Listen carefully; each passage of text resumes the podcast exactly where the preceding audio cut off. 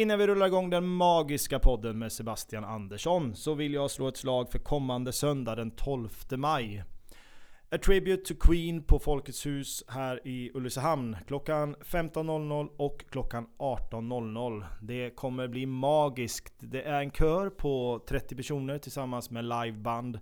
Tillsammans med solisterna Ulrik Arturén, Maria Skoglund och undertecknad Rickard Skoglund. Som framför eh, Queens låt Skatt. Boka biljetter på nortic.se eller ring turistbyrån 0321 59 59 59 så fixar ni eran biljett. Krögaren, entreprenören, webbutvecklaren, tältbyggaren, Uport-generalen, kärt barn har många namn. Den hårt arbetande killen med glädjen och viljan som drivkraft som hela tiden strävar framåt. Uppgångar, nedgångar, ångest och glädje. Lyssna till den mytomspunne glädjesprudlande entreprenörens liv och resa. Stort tack för att du gästade podden Sebastian Andersson. God lyssning.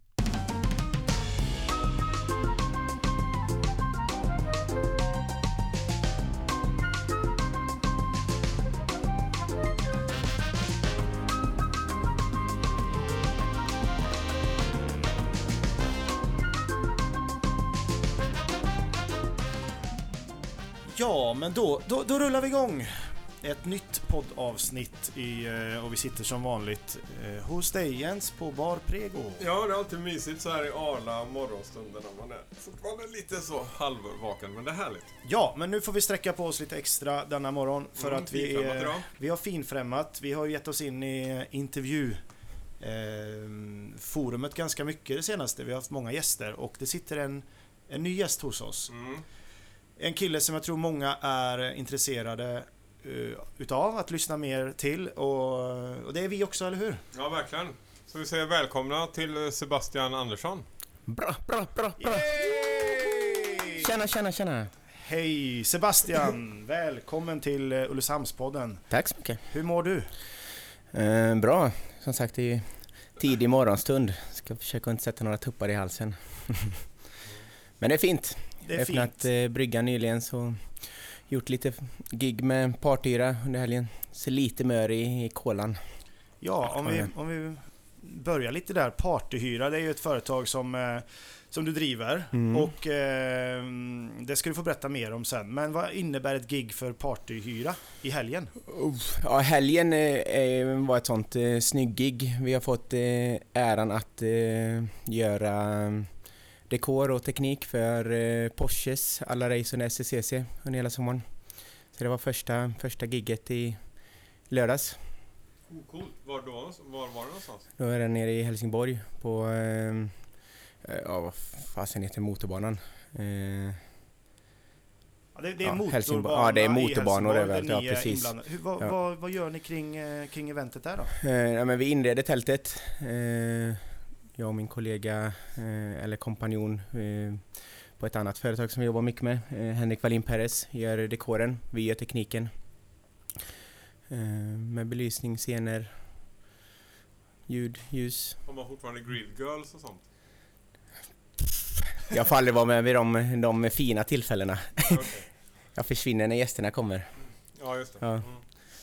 Så ni åker ner till Helsingborg och Mm. bygger och bygger och bygger och, och ehm, är, är- ja, är, det, är det ett hårt jobb liksom? Är det många, många timmar som ni håller på med ett sånt event? Ja, alltså eh, eventbranschen är ganska eh, glammig på Instagram och det ser eh, flashigt ut liksom men det, när man är inne på sin 54 timma eh, vaket tillstånd så är det, då är det inte så rockigt längre.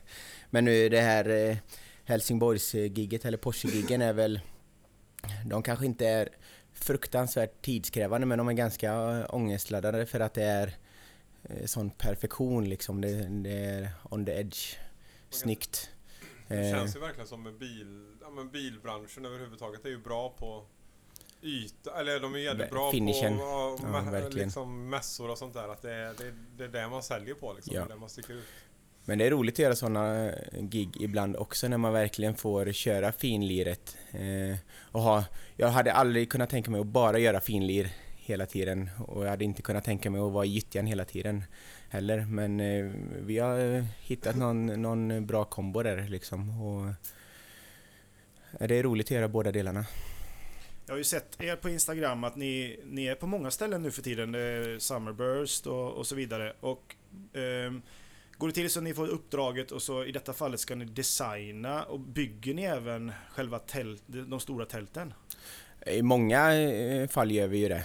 Eh, I de, ja, hälften av eh, fallen skulle jag nog säga bygger vi helhetsprylen liksom med tält, tält och inredning, teknik och infrastruktur runt omkring liksom med inhägnad och, och logistik liksom. Men sen, vi är ju också underleverantör i väldigt många Eh, fall. Eh, typ som Porsche nu då, då, då är det någon annan som bygger tältet och vi blir inhyrda för att göra eh, finliret. Samma sak, Summerburst jobbar vi ju med ett, eh, också ett lokalt företag härifrån One More Family som eh, projekterar och, och gör look and feelen på Summerburst. Eh, men de, de sitter inte på materialet på det sättet. Eh, så de jobbar vi ihop väldigt tajt. Så då blir vi nästan som ett företag under de här veckorna men, men ändå två separata. Och det är också väldigt roligt att jobba med andra ibland liksom och, och, kunna välja lite vilka uppdrag man tar liksom och vilka man, man jobbar med för att utvecklas själv också. Det känns som att du genom åren har haft väldigt många ben att stå på. Eh, vi ska nosa vid, vid alla de här sakerna. Mm. Men just nu, är det det här som du satsar kanske mest på? Alltså vi har ju under alla åren haft lite olika växtverksprocesser på alla, alla ben. Eh, partyhyra eh, som nu blir Djuport Event eh, har väl varit växtverkseffekten sista två åren. Eh, det började egentligen med att vi gjorde eh, Summerburst och, och världscupen och lite så för, för två år sedan och åkte på att göra infrastrukturen på EU-toppmötet och sen pingis-VM och det blev storuppdrag på storuppdrag på storuppdrag och då, då på något sätt har det varit svårt att släppa den biten. Eh, mitt mål... Är, är, hur funkar den där branschen? Är det, är det liksom när man har fått en, en grej, en Summerburst eller ett EU-uppdrag Mm. Är det lätt att man bara halkar vidare? Är man inne i rullorna då? Liksom? Det är ju en jävligt tuff bransch alltså. Det är ju hård konkurrens. Eh, men jag tror, vi har märkt när vi är runt att, att eh, större aktörer och andra eventfirmor uppskattar oss jävligt mycket för att vi, vi är där från början till att gigget är rivet och färdigt liksom. Som på Summerburst, eh, när vi har byggt färdigt allting så hoppar vi ju in och fyller kylar med ölflaskor liksom, även fast det är absolut inte vårt, vårt uppdrag. Men vi ser ju oss som en del i hela arrangemanget alltid. Eh, alltså, för funkar inte Summerburst så kommer inte vi ha någon kund nästa år. Eh, så det, det blir mycket, kanske gratistimmar, men just vi visar också att vi är på tårna liksom och vill vara med och att vi alltid levererar en bra det, produkt. alltså, det, alltså sånt hos sina anställda är ju någonting som man verkligen efterfrågar. Alltså, ja. man blir ju skitglad när någon gör det minsta Precis. lilla extra liksom. Att bara se, man ser att fan det där behövs göras Lite och så, så, är och så sker det liksom. Och jag menar det är en så jävla lätt grej på Summerburst är vi ändå där och har jouren liksom, eller teknikjouren om strömmen skulle gå någonstans eller om eh, lamporna skulle gå. Och skulle vi sätta oss i en brassestol och, och ja, då, då somnar vi liksom. liksom. Ja, ja, det är bättre att hålla igång. Men mm.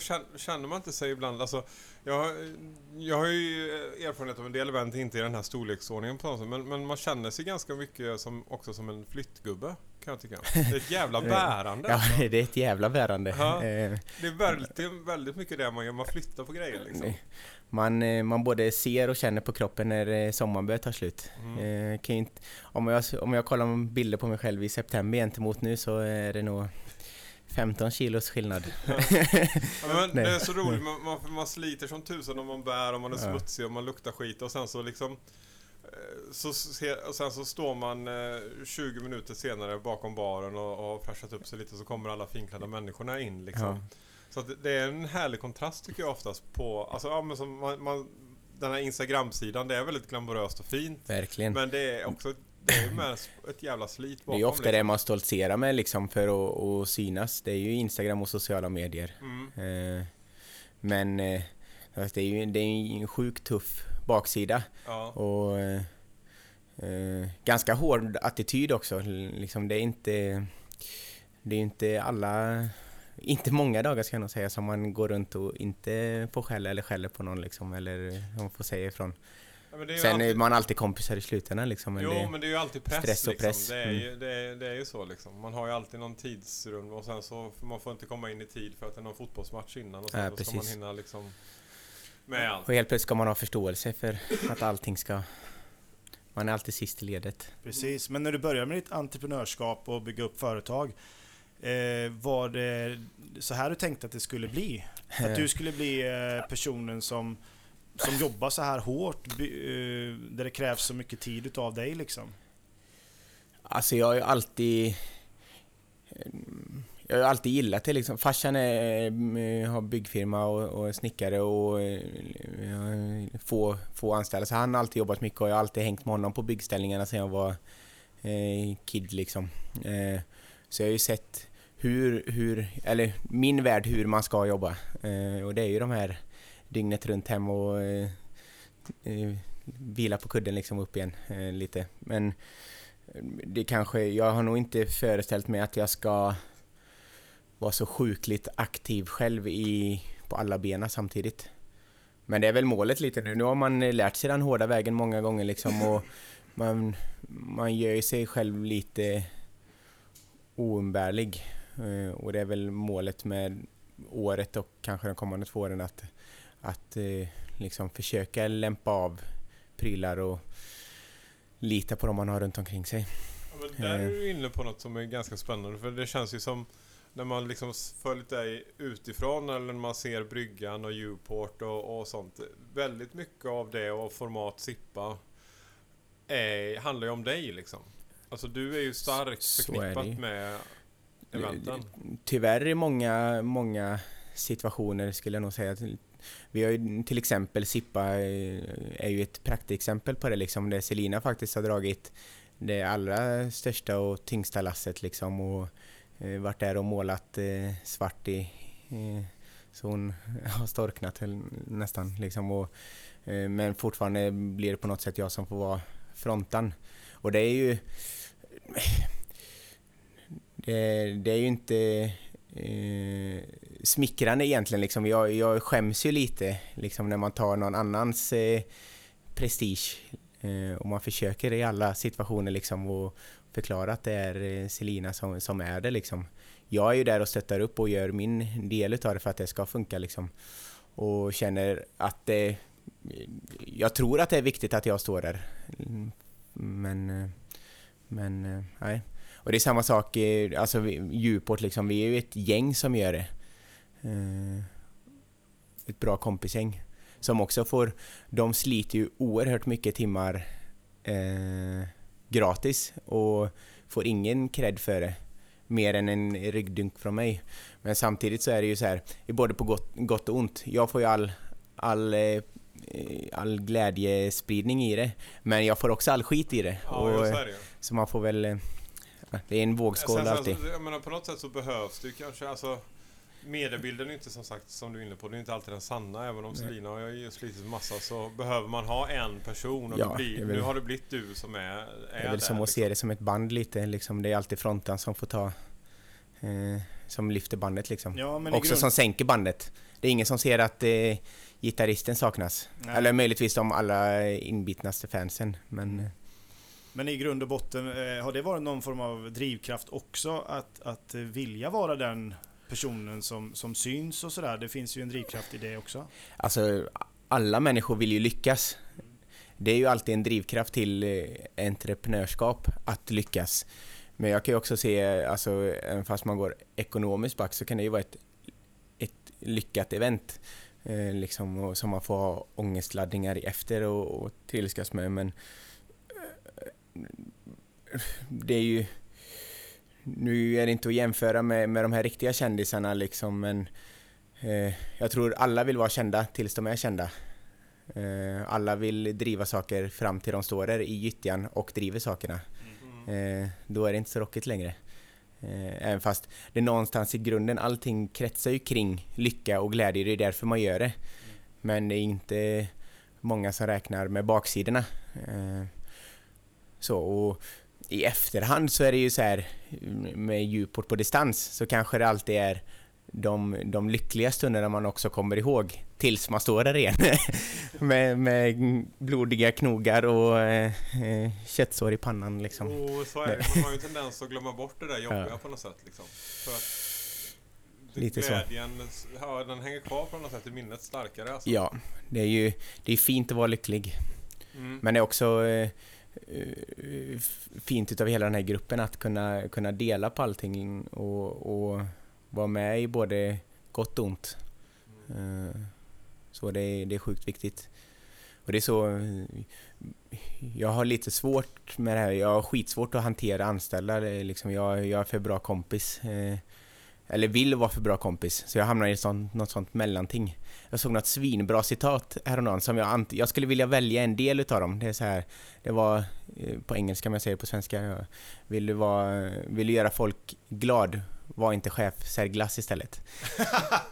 eh, har, har, du svårt att... Sälja en del glass. Ja, ja men det är ju så. Ante, jag skulle vilja välja att vara chef och, eller bara sälja glass. Men nu har man hamnat någonstans i mellanträsket. Den ofrivillige chefen? Ja, lite så. Ja. Eh, jag trivs svinbra med att sälja glass och, och göra folk lycklig, men så har man fått hoppa in och vara chef. Ja, vi ska få, få lyssna lite på den här historien från början. Ja, vi pratar om eh, Djuport en del har vi kommit in på sådär, men eh, vi är nyfikna och höra liksom din story lite grann från början. Om man ser till eh, vem du var. Om vi börjar på den klassiska frågan. Vem var du på, på skolgården när du var liten? Jag var en ganska trygg och glad kille. Eh, inte så jag hade inte svin mycket kompisar. Jag hade mina... Ja, min bästa kompis, kanske en eh, andra kompis. Eh, som man alltid hängde med liksom. Eh, men man var alltid glad och omtyckt av alla andra. Eh, så, och sen, eh, nej men det, det var... Eh, jag gick i en sjukt trygg klass hela vägen från förskolan till, till nian. Är du härifrån ja. trakten helt enkelt? Ja. Absolut. Mm. I uppvuxen i, i Ulricehamn, i stan? Ja. ja. Och jag har alltid haft alltså, ruggigt bra lärare eh, som liksom har de har väl sett glädje och, och, mina svagheter och mina styrkor ända sedan början liksom. Jag kommer ihåg min, min fröken Solveig i förskolan till trean som eh, fick mig att, att haka på fiskeklubben här nere och sitta och, och tälja egna fiskedrag liksom. Och här hade vi Ola, fyran till sexan, som var en glad gubbe från, eh, från Timmele och som också var skoja och, och var lätt till skratt och, och glädje. Och, alltså, så det har alltid varit eh, Kommer du bra. ihåg namnen på någon lärare från småskolan, Rickard? Ja, det gör jag faktiskt. Ja, okay. ja. Jag har helt tappat bort nämligen. Fascinerande att folk kommer ihåg det. Det är mysigt på något sätt. Ja, jag kommer nog ihåg alla, alla mina. Mm. Jag ska inte glömma Björn Gotting hade vi något år där han flyttade tyvärr. Men, ja. det, nej, men det, jag har alltid haft väldigt bra lärare och sen eh,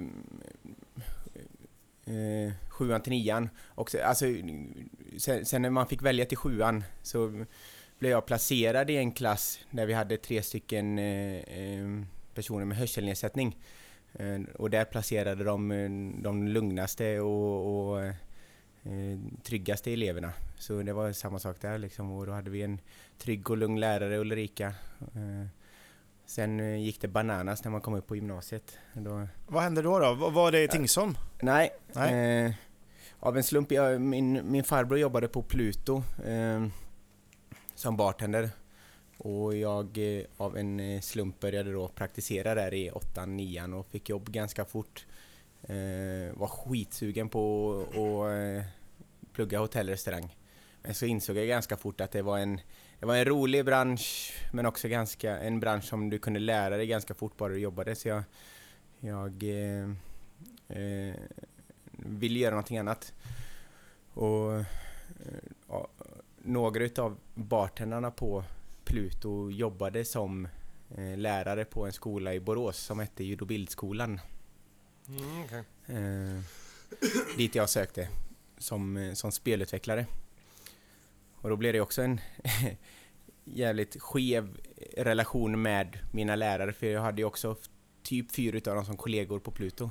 Ja. Eh, och det var en ganska liten skola då. Eh, första året som spelutveckling fanns som gymnasielinje. Så vi var typ 120 elever och 30 lärare på skolan.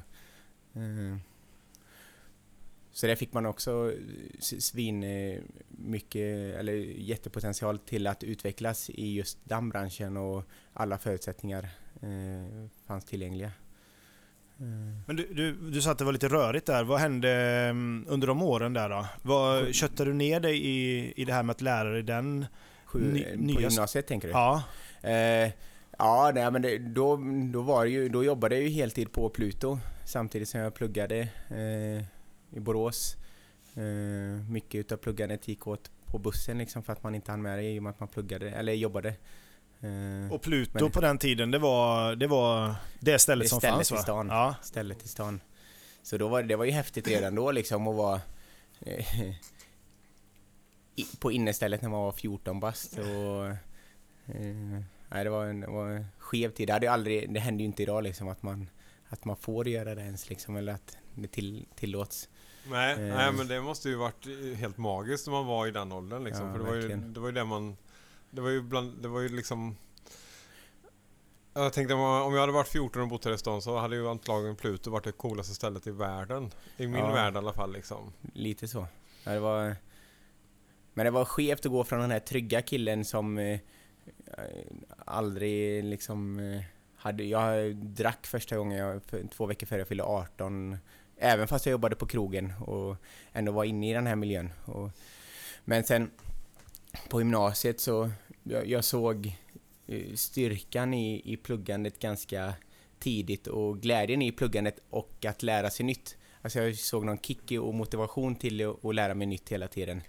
Så jag valde på kurs efter kurs efter kurs och, och pluggade så... Eller jag ska inte säga att jag pluggade mycket för det skedde ganska mycket per automatik. Eh, Kanske för att lärarna var roliga och, och uh, även där såg vad man kunde och vilka förutsättningar man hade och vilka svagheter man hade. Så, Men du tyckte alltså verkligen inte det var jobbigt med skolan liksom? Det var väl något roligt? Absolut, jag saknar mm. skolan svinmycket.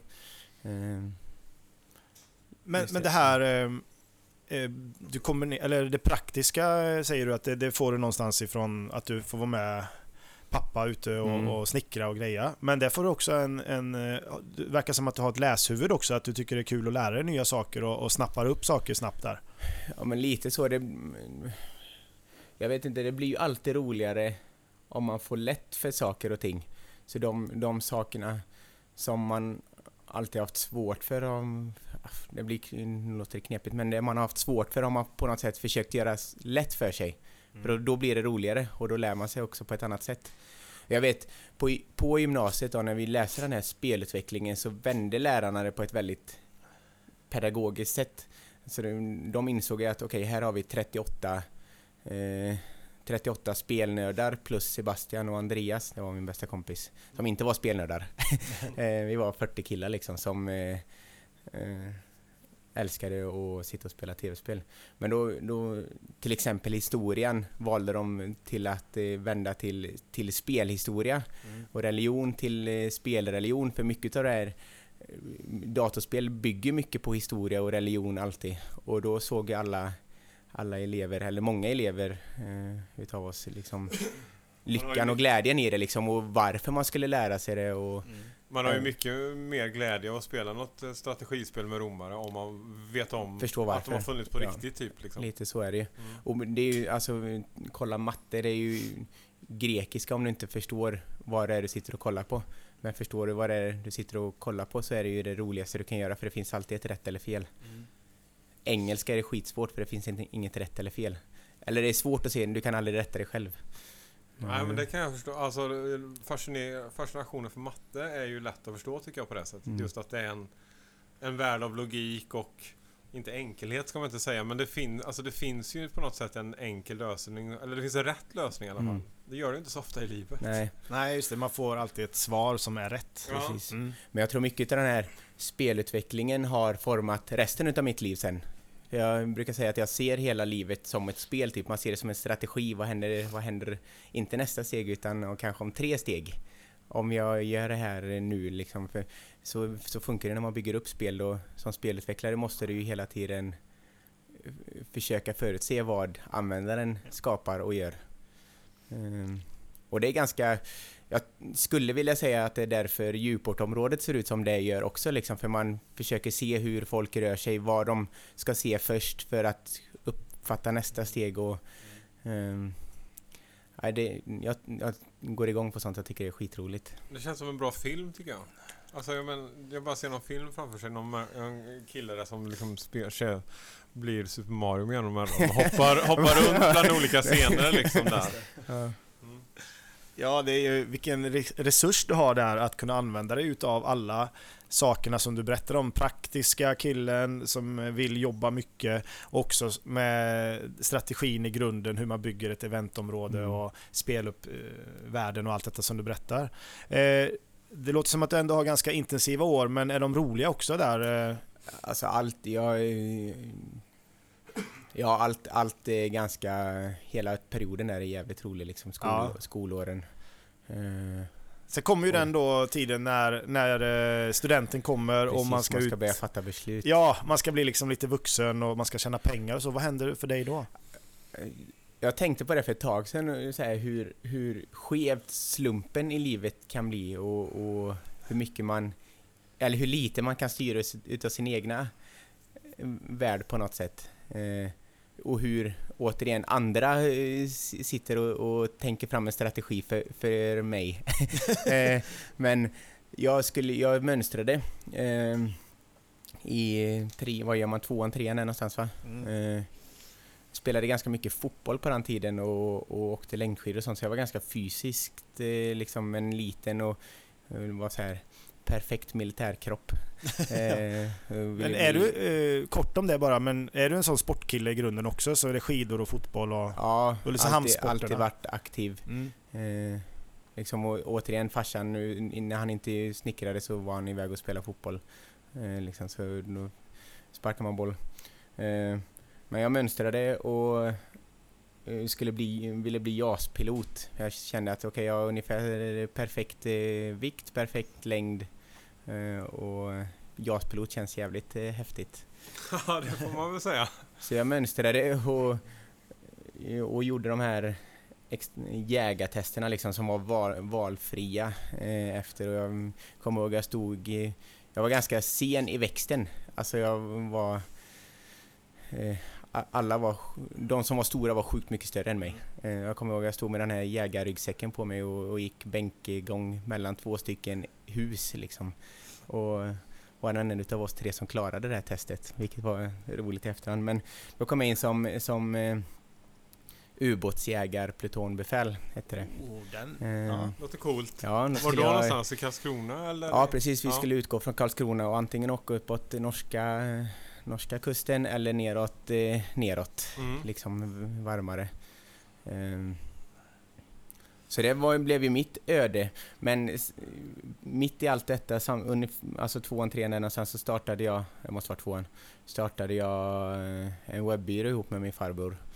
Eh, eh, du har nämnt din farbror vid två tillfällen. Ja, Vad Johan. heter han? Johan. Johan Andersson. Ja. Han blev lite min, min idol på den tiden. Han, en sån liten sladdis-unge i hela, hela den släktskaran. Så han, var, han är tio år äldre än mig. Eh, men har alltid ja, jobbat bartender coolt eh, och jobbat med datorer coolt. Eh, så han har alltid varit lite före allting. Eh, så. Ehm, så vi startade en webbyrå ihop. Han eh, designade och jag programmerade. Eh, så jag fick ju bara ångest när jag blev inkallad på, på eh, i lumpen. Liksom jag skulle ligga ute länge i och med att det var plutonbefäl. Då ligger man ute, jag kommer inte ihåg vad det är, men 20 månader eller någonting. Det är typ ett och ett halvt år och lite till. Så, och när man väl har blivit inkallad då kan man ju inte... inte då är det kört. Ja, då är det kört. Eh, så jag skulle rycka in i januari efter studenten. Eh, men hade ju, precis, hade ju fått eh, ganska stora kunder på den här webbfirman. Vi var ganska tidiga med det vi gjorde. Så vi hade snygga, snygga konton och ville inte släppa det där riktigt. Och så hade jag tjej och ville inte släppa det. Och, eh, men sen i november så gjorde tjejen slut och typ samma vecka så fick jag brev att, eh, att eh, den här plutonen som jag skulle rycka in i la ner. Hela, eh, my- mycket plutonen la ju ner på den tiden. Så då fick jag valet att söka om eller avstå. Och då blev ju valet ganska lätt eh, att avstå i och med att jag hade haft sån ångest i det. Men då blir ju nästa, vad fan ska jag göra nu då liksom? Till- Ja, Ja. Ja, det är, annars hade jag ju... När, när, när de jagade ryssar i, i Östersjön för ett tag sedan, då tänkte, så satt jag ju och kollade på nyheterna och kände att det där hade ju varit jag om det hade... Ja, ja visst. Ja, Mm. eh, och typ tre dagar efter det här, liksom veckan efter, så, så ringer eh, en, kollega, en gammal kollega till mig och säger att jag har en kompis uppe i Vemdalen som är restaurangchef och saknar personal. Vill åka upp och hjälpa till under högsäsong. Så ja, fan jag kan åka upp eh, liksom. Eh, jag åkte upp jul, nyår och, och hjälpte till. Men du, där, Ja. eh, i och med att det var så viktigt med eh, företaget som ni Ja, har startat där. Va, och då ville du vara kvar egentligen sa du? Ja, men det var, blev ganska, det var ju en digital bransch, alltså jag kunde sitta där uppe och, och jobba med, med det, jobbet plocka upp. med det. ja. Eh, Men ganska direkt när jag kom upp och skulle göra den här jul och nyår så blev min kollega allvarligt sjuk och kunde inte jobba så mycket som det var tänkt och blev sjukare och sjukare och så jag fick ta hennes tjänst ganska mycket eller liksom täcka upp. I, Eh, I Vemdalen? i Vemdalen, ja. Eh, och blev också där inkastad i en roll. Jag hade blandat eh, vodka Red, Bull liksom och nattklubbsbar. Baren där uppe var, det var en snygg bar. Vi vann Nordens bästa spahotell tre år på raken. Och, och, så det, det var en snygg bar. Eh, men återigen, jag går igång på att lära mig nytt liksom, så det var en ganska, ett ganska roligt år. Men där, eh, då första gången kände jag okej, det här är att jobba liksom. Då satt jag ju heltid med mina hemsidor, jobbade kanske 250 timmar i, i baren där uppe i månaden liksom och eh, ja. Nej, det, var, det, det var ett eh, roligt och lärorikt år. Och Mm. året är då 2008. 2008 Mm. ja. Vintern 8-9. Och um, ni, du, ni fick mycket stora kunder sa du. Vad, vad hade ni för typ av uppdrag i företaget? Eh, den största, och men kanske många känner inte igen men Kasthall är ju en av världens största mattproducenter.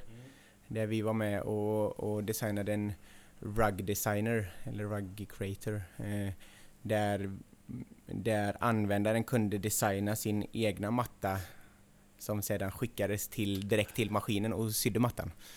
Ehm. Det var- Det känns ju jävligt avancerat för att vara liksom Ja. då. Men det som var coolt med, eh, med det vi gjorde, alltså jag omvandlade ju spelbranschen till hemsidebranschen. Och ni vet på den, den tiden, alla satt ju med sina flashspel liksom. Man spelade gladiatorerna och sånt på nätet liksom och, och spelade mycket små flashspel på, på datorn. Och jag var en jävel på Flash, alltså jag kunde allting i Flash. Eh, och, så, så jag omvandlade spelbranschen och gjorde, gjorde hemsidor i Flash. Eh, ganska avancerade och ganska coola och ganska interaktiva. Eh, där man kunde flytta runt rutor och, och härja och, och liksom interagera med hemsidan. Så på, Eh, på något men sätt, eh, på, på den tiden var du, var du lite eh, ledande eller tidigt Ja, det ute skulle- med Flash-verktyget? och- Skulle jag nog kunna säga. Ja. Och min farbror Johan var en jävel på, det, på interaktionsdesign. Eh, Jag har pluggat det på högskola och, och eh, vad heter det, Chalmers i, i Göteborg i många år. Så han var sjukt duktig på det och just det här att interagera med en hemsida krävs ju ruggigt bra design i grunden så vi kompletterar varandra eh, riktigt bra. Så där, där har vi Eh. ett företag som... Eh, jag vet inte ens om det lever idag, men... Det gör det till viss del, alltså jag programmerar en del fortfarande.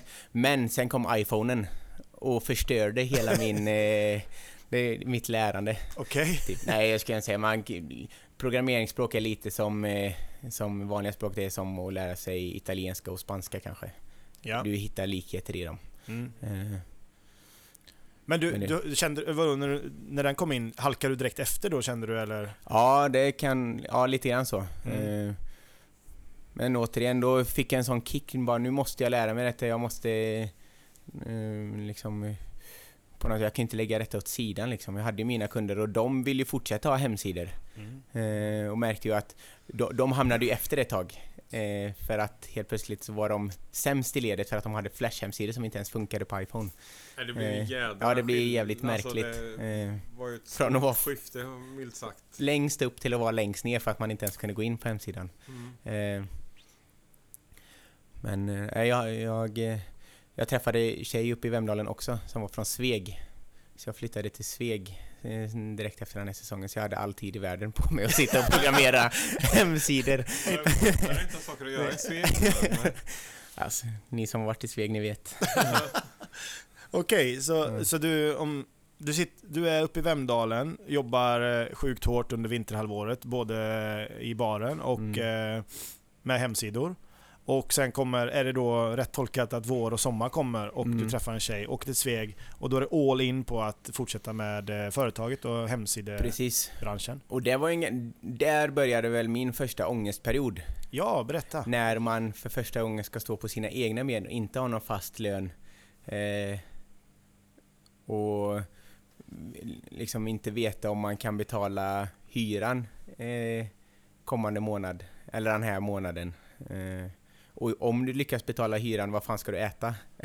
Mm. eh, det... Och då vet jag, det var en riktigt sån... Eh, ja, det var, det var en knepig period. Men då vet jag farfar...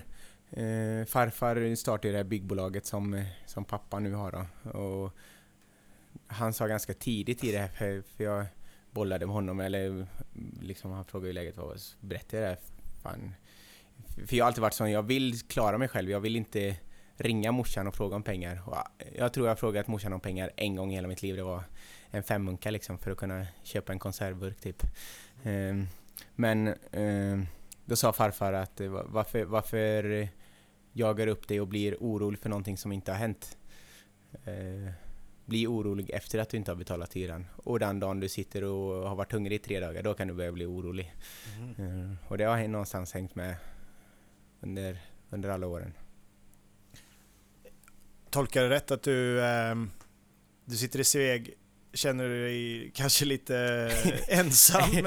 Övergiven. Övergiven med eh, nergrottad i, i eh, programmering? Ja, lite så kan jag nog säga. Det, ja. det är ju alltid Tappa också... lite sociala sammanhang eller hur känner du? Eller? Det är ju alltid så att, eh, som jag började med att säga, jag har alltid varit en, en glad och god kille som har haft mina få kompisar och så var det väl lite då också. Eh, då var jag ännu mer social. Jag hade jobbat i baren i, i eh, vad fan kan det ha blivit? Sex år vid den tiden. Från att du var 14 helt ja, enkelt? Precis. Ja. Kanske inte i baren sen jag var 14, men Nej, restaurangbranschen sen ja. jag var 14.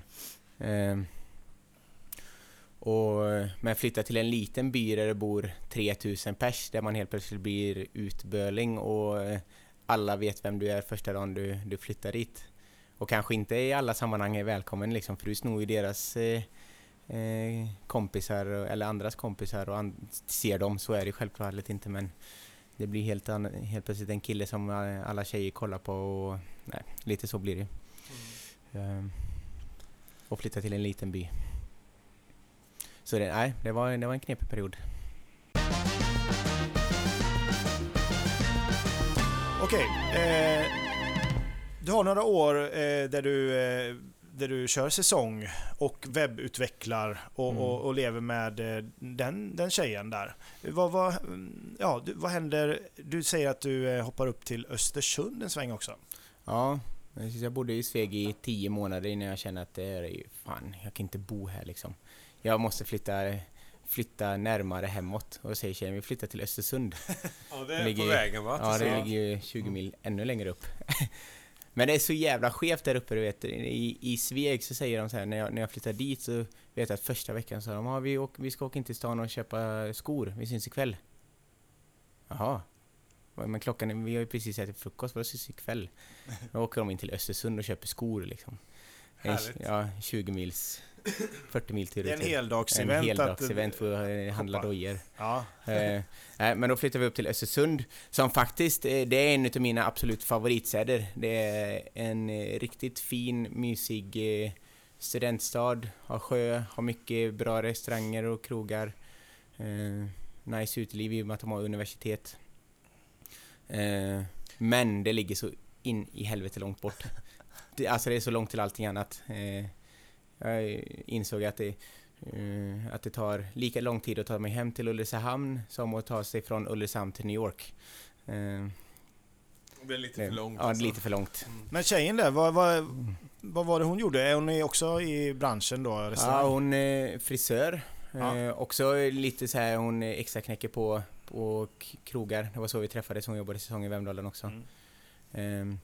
Men hon startade eh, också eget när vi flyttade till, eller hon startade eget i, i Sveg redan och fortsatte med det i Östersund. Så vi var två stycken egenföretagare som skulle få livet att gå ihop. Eh, så just det här extra knäckandet på restaurang har ju alltid varit viktigt. Även fast det har alltid varit ett sånt eh, litet hatobjekt. Man, man ledsnar ju på det till slut liksom så här. Fulla gäster, sena nätter, inget liv på något annat. Man jobbar ju när alla andra är lediga liksom.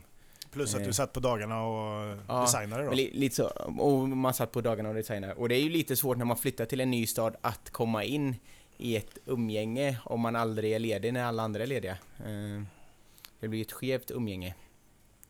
Men eh, det har alltid varit en, en viktig extrainkomst. Eh, Och ett, såklart också roliga, roligt liksom och man har roliga kollegor oftast. Och, så, men jag har fortsatt att säsonga i Vemdalen framförallt. När jag var barchef och pubansvarig några år eh, på samma ställe som jag åkte upp till.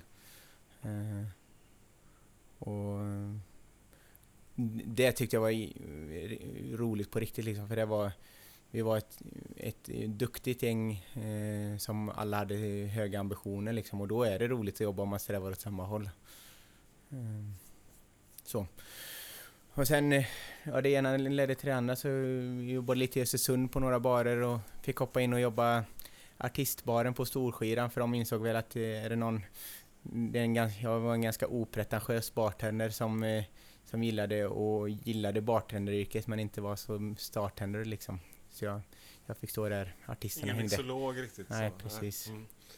Hände det några roligheter där i, på Östersunds backstageområden?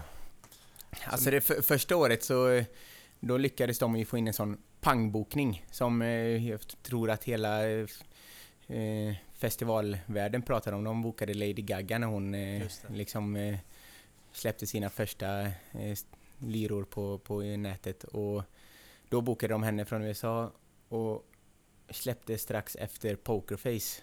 Så från att spela på en sån alltså. upcoming-scen så blev hon helt plötsligt eh, headline-akten. Och de kan inte pröjsat mycket för henne alltså. Nej men så jag, jag träffade ju faktiskt eh, Lady Gaga första året där. Eh, jag insåg... Hade det varit idag så hade det ju varit enormt att träffa Lady Gaga. Då var hon ju stor, men man fattade inte riktigt hur stor hon var eller skulle bli. Nej, Eh. efter det har hon ju blivit något liksom... En av de riktigt, riktigt stora, får Mm. man ju säga liksom. Något helt eh, unikt. Men hon Precis. kommer då, det är ändå stort att Ja, man liksom står bakom det, Mm. Verkligen. det, den bokningen. Att man inte eh, blir sjuk Nej. eller någonting. Nej, det, men eh, det var hennes första så jag tror, nej, hon var nog, hon var nog på tå liksom. Också fått känna Ola Salos eh, svettiga trikåer liksom och, nej, det hände, hände mycket i artist eh, bakom. Mm. Och nu, nu rör vi oss i åren eh, 2011, 2012 någonstans eller? Ja, precis. Det var ju sista svängen där uppe. Ja, för nu blir, blir det ju intressant för alla Ulricehamnare lite grann då för att eh, det var väl så att det byggdes ett ställe som nu heter då Bryggan Mm. och eh, det driftades eh, x antal år, jag vet inte hur länge men eh, om, var det så att det lades ut till salu? Bryggan byggdes, eller restaurangdelen öppnade 2008, eh, strax för, före sommaren där. Så jag hann ju uppleva bryggan eh, en säsong före jag drog upp till, till fjällen. Eh, och sen 2012, vintern där, så började de väl... Eh, jag ska inte säga att de bråkade för jag vi var inte med och vet vad, det, vad som hände, men de blev oense, ägarna sinsemellan och valde att inte vilja driva det vidare. Eh, och mer eller mindre la, la ut det till en överlåtelse liksom. Eh, då ringde Tony, Tony Seman som ägde Pluto på den, som anställde, han var den första som anställde mig någonsin mm. på Pluto. Han ringde mig och frågade om jag var intresserad av att driva krog med honom. Och jag sa fan aldrig i livet. som jag precis nämnde, jag är jävligt trött på att jobba krog liksom. Eh, men sen, eh, ja farsan övertalade mig efter många om och men liksom. Eller inte efter många om och men, men han mm, övertalade mig och det gick ganska fort efter att han började övertala mig till att vi skrev kontrakt och drev bryggan. Och då var det ganska snabba puckar. Vi skrev kontrakt i mars, öppnade april. Eh, så det var, det var en intensiv månad med att hitta personal och, och då är jag glad att jag hade de här säsongsåren i ryggen och kunde plocka med mig de kollegorna där uppifrån som jag precis berömde. Och, ja. Men du är, inte så, du är inte så gammal där? Hur... Ja, 2012, vad blir jag då? 22, 23? Du är 22, 23 och... Mm. Det är inte så gammalt. Nej, Nej och väljer och eh, gå ganska hårt in i en eh, ganska hård bransch då mm. genom att eh, drifta ett eget ställe. Mm. Ja, och eh, vad, vad händer de åren där som följer 2012 och, och, och framåt? Uh, Från att ha alla upplevelser med dig och sen komma tillbaka då liksom och uppleva Ulricehamn utifrån på ett sätt med nya ögon men ändå vara härifrån. Ja, men jag, jag ville ju tillbaka till Ulricehamn. Jag gillar Ulricehamn, jag gillar hur det ligger till. Framförallt efter man har bott i Östersund och inser hur långt det är till allting. Att Ulricehamn ligger fantastiskt bra till i Sverige. Mm. Eh, det är, men, när, det, alltså det är team i Göteborg, ja, ni vet storyn. Liksom. Ja visst, det, ja, men det finns ju en, alla städer liksom. Oftast i den åldern kan det finnas en, en, känsla av att man verkligen inte vill tillbaka. Det, många vill så här fly och sen vill man till storstäderna och ja. kanske ut och resa och allt det. Men du kände ändå att... Jag har alltid sett att man kan, alltså resandet är ju en, en, ett, en effekt och en, ett resultat utav att man har jobbat och gjort sitt. Och jag känner att kan jag jobba mycket i Ulricehamn och ägna mig åt mitt så kan jag också liksom, jag kan ta det lugnt när jag vill ta det lugnt, jag kan åka bort när jag vill åka bort utan att det ska vara problematik att åka bort. Jag kan ta det mm. lugnt när jag vill ta det lugnt. det lugnt. Nej, det händer inte. Det händer inte med. Någon gång så känner man så här, nu måste jag hem och dra täcket över huvudet liksom. Eh, hade jag bott i Göteborg så kanske mm, då hade man gått och sunkat ner sig i en bar istället med två bärs liksom och då hade det nästkommande dag också varit förstörd. Lite så. Nej men, nej, åren som kommer, vi var ju tre delägare på bryggan från början. Eh, Henke Moberg, det sa jag från början, att jag vill inte göra bryggan utan att ha med mig en kock liksom. Eh, så Henke Moberg, han jobbade också på Pluto. Eh, så det var jag och han som driftade bryggan. Eh, och vi körde järnet liksom. Vi, det var inga mellanlägg första året. Det var liksom 500 timmar minimum i månaden och knappt någon personal och vi, vi, visste ju inte vad vi hade gett oss in på liksom. Vi, hur, var... hur blev första året då liksom? Kom folk eller vad, vad hände? Alltså, det var ju så det? jävla eh, upphåsat och upphypat liksom. Någon, någon, kände ju för första gången att det fanns en krog som fungerade i Ulricehamn på, på väldigt många år. Och bryggan är ju ett legendariskt läge. Nästan för bra. Alltså vi har ju pro problem att hantera det för att det är så pass bra. Det går åt mängder med personal liksom. Och, eh, men, men jag känner ganska fort, är det någonstans man ska göra saker så är det på bryggan. Vi har alla förutsättningar liksom. Misslyckas vi här så är det bara vårt egna fel. Eh, så vi började göra lite små trubadurkvällar och konserter och liksom eh, temakvällar och sånt. Eh, vi hade ju tur att det var fotbolls-EM tror jag det var första året där. Eh, och vi körde fotboll på storbild och det var ju en succé och någonting som inte hänt i Ulricehamn tidigare. Ja, för det känns som att utifrån sett så är det, det är nu det händer. Det, det kommer en kille, jag, jag, vet inte vem du är, men nu, mm. då på den tiden. Och med massa drivkraft och bara bullrar in här och eh, tar för dig och, och, och då som vi börjar prata om i intervjun här, blir ganska snart en Ja, ska vi, en profil för Ulricehamnarna. Mm. Här kommer Sebastian, han har energi, han har massa idéer. Det var ju, jag, jag tänkte utifrån, alla vet vem jag är, jag har jobbat på Pluto i flera år. Liksom. jag såg ju mig som stjärnan lite, så var det ju inte. Utan vi kom in och drev det här, alla tänkte att okej okay, nu startar Tony en krog, det här kommer bli bra, han gjorde Pluto bra på den tiden liksom. Tony var ju knappt med, han, han var med lite i bakgrunden liksom och var ett, ett bollplank liksom. Eh, vilket irriterade mig. Eh, så nu är det lite samma situation som med jag och Selina har liksom. Hon irriterar sig på att alla ser Sippa som min restaurang. Jag var förbannad för att alla såg bryggan som Tonys restaurang. Just liksom, men man har ju fått kriga sig in i den rollen liksom och men du vill ha den rollen också? Du vill ja, nu, få, få cred för det du... Eller du ville då, då vill jag, Då ja, ville jag det. Mm. Alltså det var ju mitt, det var ju mitt barn liksom. Alltså jag gjorde ju allting för att det skulle funka. Och då att någon annan får cred för det som funkar, det blir ju, man blir ju förbannad liksom. Men det är lite eh, som du var inne på också innan, alltså man vill bli känd tills man blir ja, känd. Precis. Det är lite samma sak här, att det, ja. ja. det är inte säkert att det är bara positivt att få den där credden. Det kan vara ganska gött att få göra jobbet få en klapp av kollegorna, att de vet på riktigt liksom. Verkligen. Man... Som nu liksom, jag vet att brorsan, brorsan sliter röven av sig för att bryggan ska funka liksom och man vill ju bara att han ska få den där credden också liksom och att han ska känna sig behövd och synt och liksom. Hur, hur gammal är brorsan? Brorsan är två år yngre. Okej, okay, så han driftar just nu bryggan? Ja, det skulle jag nog vilja säga. Med, med stöd av Celine. Nu, Sippa och bryggan är ju säsongsrestauranger liksom, så eh, brygg, bryggan kräver jävligt mycket. Så Selina och Ludvig är ett eh, radarpar där nere. Eh, självklart är jag inne och petar i allting liksom men...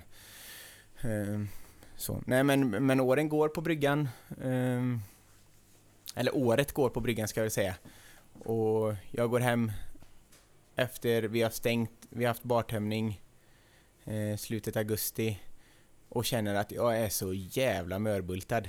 Jag åkte dessutom på en ögonsjukdom det året, eller en ögonallergi. De kom inte underfull med vad det var men ögonen var precis sprängröda, jag hade inte en vit fläck i dem. Så jag kunde inte kolla på folk utan att de blev vettskrämda. Och så går jag hem till farsan och säger med blödande ögon att fan vi, vi ska, vi måste göra någonting mer liksom. Vi har ju, det går att göra någonting mer där nere. Det är då man tänker det, man ska göra någonting ja, mer när ögonen blöder ja. och man är slut i kroppen. Pappa jag säger det, vi, vi, måste göra, vi ska göra en konsert med typ Björn Skifs liksom. Och farsan säger fan vilket roligt sidoprojekt. Ja. Eh. och där i bildas Djuport. Ja, och då är alltså säsongsavslutning, är det september, oktober någon gång där? Precis. 2012. Så det, då börjar ju tankarna födas liksom, men, men det är ju kanske inte förrän februari, mars man verkligen drar... Jag är sån, jag gillar inte att jobba under lågtryck när man känner att okej, okay, nu börjar det bli stressigt, då jobbar man. Ja. Eh, så man tar den här vintern och gör typ ingenting. Eh, och börjar dra ihop festivalen och sätter första spiken i kistan i mars typ. Så det blir ganska intensivt efter det. Ja, för att eh, Djuport känner ju alla här till. Den fantastiska festivalen, den stora festivalen. Men det är inte så att man... Jag tänker så här i alla fall att man bara gör. För att det, då kommer sådana här frågor som hur, hur ställde ni er till eh, de ekonomiska eh, sakerna, till exempel alla risker och, och det här som du berättade om att bygga upp ett helt område. Det krävs ju oerhörda resurser mm. och det krävs lite ekonomiska muskler eller att, att man är lite galen mm. för att ta galna risker för det, det är väldigt mycket kostnader. Verkligen. Jag kan, jag kan inte påstå att vi har haft ekonomiska resurser. Eh, det har alltid varit liksom on the edge. Däremot så har vi varit jävligt galna. jag, du valde det spåret? Ja, ja. men 23 år, lite naiv, eh, lite fortfarande kändiskåt liksom. Jag ville ju göra någonting som, som eh, som, som, man kunde vara stolt över. Liksom. Du ville liksom. sätta ner foten ja, och visa fasen, det här är något stort liksom? Ja. ja. Eh, så, eh, ah, jag tror inte jag tänkte så mycket på det. Det får lösa sig sen liksom. Som, som alltså, återigen farfar sa liksom, bry dig inte om äh, ångesten före, ta tag i det när det kommer liksom. Eh, och det gjorde vi. Eh, och alla sa ju hela tiden liksom att ni kan bokningsbolagen, vi fick ju knappt boka artister före vi hade sponsorer liksom. Men jag säger, jag, vi ska inte ha sponsorer, vi ska vara vi ska drifta detta själva, vi vill inte vara styrda till någon, vi vill göra vår pryl. Eh, vi vill att det ska spegla Ulricehamn, det ska vara billigt för, för Ulricehamnare att gå. Ett första årets Djuport, när man kollar tillbaka på första årets Djuport och den line-upen vi hade, alltså vi hade Teddy Bears, The Sounds, Eldkvarn, Darin, Jonossi. Eh, jag vet fan, det var, det var ett riktigt, alltså ett sånt pangår. Ja, det är när, man, när, man, när jag lyssnar den listan på Spotify idag så får jag fan ståpäls liksom för att det är så bra. Och en biljett kostade 395 spänn för två dagar. det är ju ett skämt egentligen. Ja, alltså det, det, är, det är som att slänga pengarna i sjön liksom. Ja, lite så. Ja, men, eh, vi, vi gjorde... Jag kan säga att vi gjorde det med stolthet och vi, gjorde, vi uppnådde vårt mål. Vi gjorde det för Ulricehamn och Ulricehamnare. Vi gjorde det stort och vi gjorde det... Eh, jag, kan, jag kan nog säga att vi, vi uppfyllde alla de kraven vi hade på oss själva från början. Eh, men sen har vi ju fått lära oss under alla åren verkligen den hårda vägen.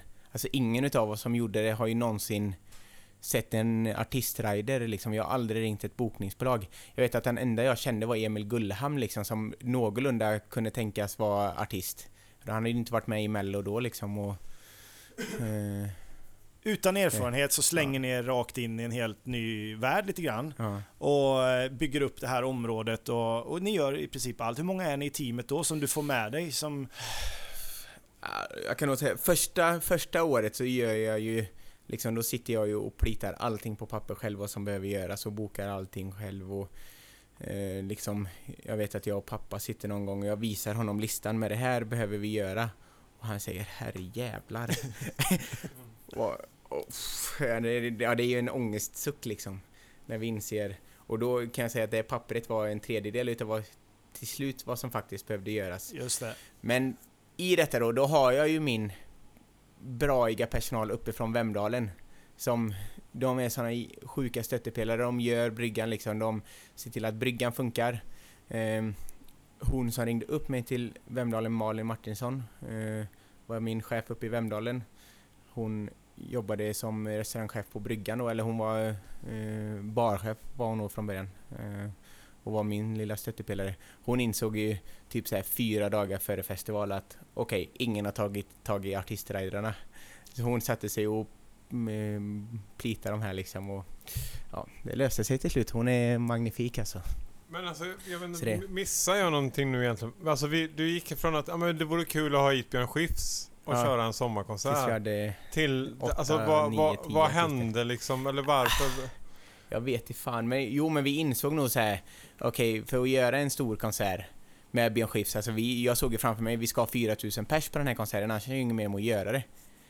Eh, liksom en vanlig... Ja men då behöver man inhägnad, man behöver bajamaj, man behöver en stor scen, man behöver... Då kan man lika gärna ringa ja, då kan, också fan, liksom. Då gör vi den till en tvådagars pryl. Men för att göra det till en tvådagars pryl då behöver vi ju mer artister. Eh, Alltså ni så. hade ju kunnat göra, ta 395 för bara Björn Skifs också tror jag nästan. Ja. Och så är det ju, men vi har aldrig, vi har aldrig strävat efter pengarna. Det har aldrig nej, varit det som nej. varit drivkraften. Men det är bara så jävla eh. fascinerande billigt när man tänker efter liksom. Ja. Helt otroligt. Nej. Och det, ja, det, det är ett skämt. ja, men det är väl... Det är väl vad, man, vad det kostar. Vad, och jag tror det året gick till och med alla under 12 år in gratis. Nu är det under 8 år, men alla under 12 gick in gratis. Mm. Eh, upp till 16 gick in för halva priset. Och rent, rent krasst då, vad, vad händer med ekonomin? Funkar det? Gick det plus minus noll eller fick ni... Ja, hur löste ni det? Nej, vi gick ju vi gick back första året eh, ganska rejält liksom. Eller, så vi... Men bara en sån sak, det skrämmer ju det skrämmer ju 99% av svenska befolkningen. Ja. Att, att veta, eller någonstans nästan räkna ut på förhand att ja, vi är nog back. Men mm. ändå mm. så, så lägger man eh, alla timmar på dygnet liksom. Ja, men det, vi hade ju bryggan också som på något sätt täckte upp. Vi gick ju lite resultat på bryggan och totalt kanske det gick plus minus noll hela säsongen på bryggan eh, med, med Djuport. Liksom. Så vi hade ju jobbat gratis eh, utav helvete år. Ja precis, liksom. och då kommer ju år, år två utav Djuport. Ja. Eh, och ni... Eh, det känns som att det bara går av energin att ja, vi kör igen. Precis. Eh, mm. Med vilken inställning går ni vidare då? då när ni vet att okej, okay, ekonomiskt så är det ingen... Vi jobbar gratis, men vem gör ni det för och vad är drivkraften? Men kommer ja, ni ihåg, tänk... bara, bara, bara, bara ta en paus Den sommaren, den första Djurgårdssommaren. Alltså, det var alltså, magiskt det, Vilken grej det var i stan liksom. Ja, Just att det var, alltså, Och alltså, vädret var ju magiskt också va? Ja, det var ja. fantastiskt väder och det var liksom, jag kommer ihåg de där dagarna och liksom pirret som var innan. Ingen liksom kunde riktigt förstå mm. vad som skulle hända. Man, folk gick, man gick ner och tittade på det där området. Vad, vad ska hända här? Eller liksom, vad, herregud. Jag kommer ihåg riktigt, typ liksom? segmentet av det. Alltså jag vet typ såhär, det var jag och farsan. Vi började bygga upp området. Uh, och det kom typ kompisar liksom så här skulle kolla till läget bara för de hade hört talas om det. Och helt plötsligt stod de och de fastnade i flera dagar liksom för att bygga för de insåg att det här kommer aldrig... det, det, de tog sitt ansvar. ja. Men det var, något, det var verkligen något speciellt. Ja. Jag kommer ihåg här, hur det var här uppe liksom och den, den lördagen där under Uport liksom. Hur mycket folk det var på stan och det var strålande solsken och jag hade något litet band som spelade. Jag kommer inte ihåg om det var redan då jag hade någon som skulle spela på eran upcoming-scen. Jag kommer inte ihåg mm. exakt eh, förutsättningarna men det var bara... Det var helt knökat liksom. Det stod kanske 150 personer här på gatan utanför mig och lyssnade på det där lilla bandet. Och liksom, det, hela stan bara mm. bubblade liksom. Det, ja. det, var faktiskt, ja, det var helt fascinerande liksom. Jag kommer ihåg att jag producerade en sommarteater, men det var mitt första år. Och det var bara att lägga ner den helgen. Och jag visste, vad, vad fan, var, var ska alla någonstans? Ja men det är något som heter Djuport. Jaha, då fattar jag. Jag tog en sväng här inne på dagen. Okej, mm. nu förstår jag. ja, nej. Och det, ja. Nej, det, det var mäktigt att, men som ni säger, alltså alla gick liksom och tog paus och de verkligen ställde upp och kom och det, det var jävligt viktigt för oss liksom. Eh, att folk fattade vad det var. Eller skulle fatta vad det var. Och det, men det är ju också så här, första året var ju också sjukt mycket krigande gentemot grannar och de som inte fattade vad det var. Eh, gamlingarna, jag ska inte kalla dem gamlingarna, det låter så nedlåtande, men det äldre segmentet eh, var ju väldigt negativa fram till efteråt. när de, där i ja. där Men vi visade att vi gjorde det med kvalitet och vi gjorde det för alla och vi ville liksom att det skulle vara till för stan. Eh, jag kan tänka mig att det som hänt tidigare var väldigt segmenterat, alltså det var en rock, eller den här 7 festivalen var väldigt rockigt. Eh, eller liksom det som hade hänt tidigare var ganska skränigt och, och segmenterat. Just det. Men ni öppnar upp för eh, en mycket bredare publik? Precis. Mm. Och det, det, har varit viktigt för oss att det ska vara brett och kvalitet i allting. Det. det. är samma sak med scener och sånt. Vi har aldrig tummat på, på liksom teknik och, och, och så vidare. Vad artisterna än har begärt och bett om så har vi gett dem mer än vad de ja, vill ha. För ni har ju blivit. Eh, väldigt eh, kända för backstage-området. Mm. Eh, vad gör ni som är extra där som, som får artisterna att komma tillbaka och prata om er? Egentligen det som är självklart för oss rent krasst. Alltså vi, vi kommer ju från servicebranschen. Vi är vana att serva folk. Eh, vi är, jag vet, när, jag jobbade på Storogna uppe i Vemdalen så sa VDn där första året inför den här kickoffen liksom, hade en sån presentation. Eh, och hon sa, här på Storogna ska vi alltid försöka ge gästerna vad de vill ha. Ber gästen om en miljon så ska du säga jag ska se vad jag kan göra. Eh, och lite det har jag, och det gänget som kom ner där alltid strävat efter liksom. Eh, sen kan man inte alltid lösa allting men man ska i alla fall försöka. Jag visste att vi kunde lösa allting där bak och jag visste att vi kunde lösa mer än vad de vill ha och då kommer de alltid vara nöjda. Men känns det inte fånigt ibland när de kommer med väldigt specifika, lite konstiga saker? Att åka och hämta om det kan vara en speciell whiskysort eller vad det är. Att, jo, är det inte lite det, överdrivet det där? Samtidigt så ser man ju det som en utmaning, men det är ju lite roligt liksom. Jag vet typ eh, Icona Pop skulle ha eh, två gurkor i sin lås liksom. Det är ju tråkigt att slänga in två gurkor, så då köpte vi ett gurkträd. Det var skitsvårt att hitta ett gurkträd. vad, är, vad är ett gurkträd? Nej, eller hur? Eller ja. en sån gurkplanta liksom. Ja, ja, Gurk, ja, Så det hängde små Ja, precis. Det var ju roligare. Ja. Liksom, och vi har alltid gjort det där lilla extra. Mustasch vill ha en eh, en eh, tavla utav Eddie Meduza i sin loge. Och jag vet första året gjorde vi ett Eddie Meduza-collage och tryckte upp på en plåt som de idag har i sin studio liksom med en Djuport-logga på såklart. Eh, eh, E-Type blev biten utav en, eh, en grävling samma år som han skulle vara på Djuport så då köpte vi en uppstoppad grävling och ställde in. Det hade han ju inte ens. Men det är alltid roligt att, att göra det här lilla extra som de... men det är så här, och vi har gjort det ganska lätt för oss. Ganska dyrt har det, är det ju, men vi har tagit den värsta riden vi någonsin har fått och sen gör vi det i alla slåser. Ah. Just det. Eh, och jag tror att det, jag ska inte svära på att det är The Sounds, men jag tror att det är The Sounds. Det var en sån bibel vi fick.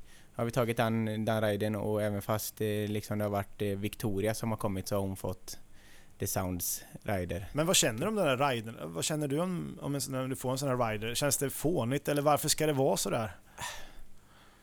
Ja, men, men ja, jag vet inte, i början så tyckte man ju det var häftigt liksom och, och roligt och, och annorlunda. Men jag är knappt att, eh, att man, man skummar igenom nu för tiden liksom och, och lägger inte så mycket vikt i dem. Men man vet att en rider eh, den är mycket till för att de ska känna sig trygga på scenen, senare artisterna. De kan lägga till så här detaljer, typ eh, vi vill ha röda MMs i vår loge.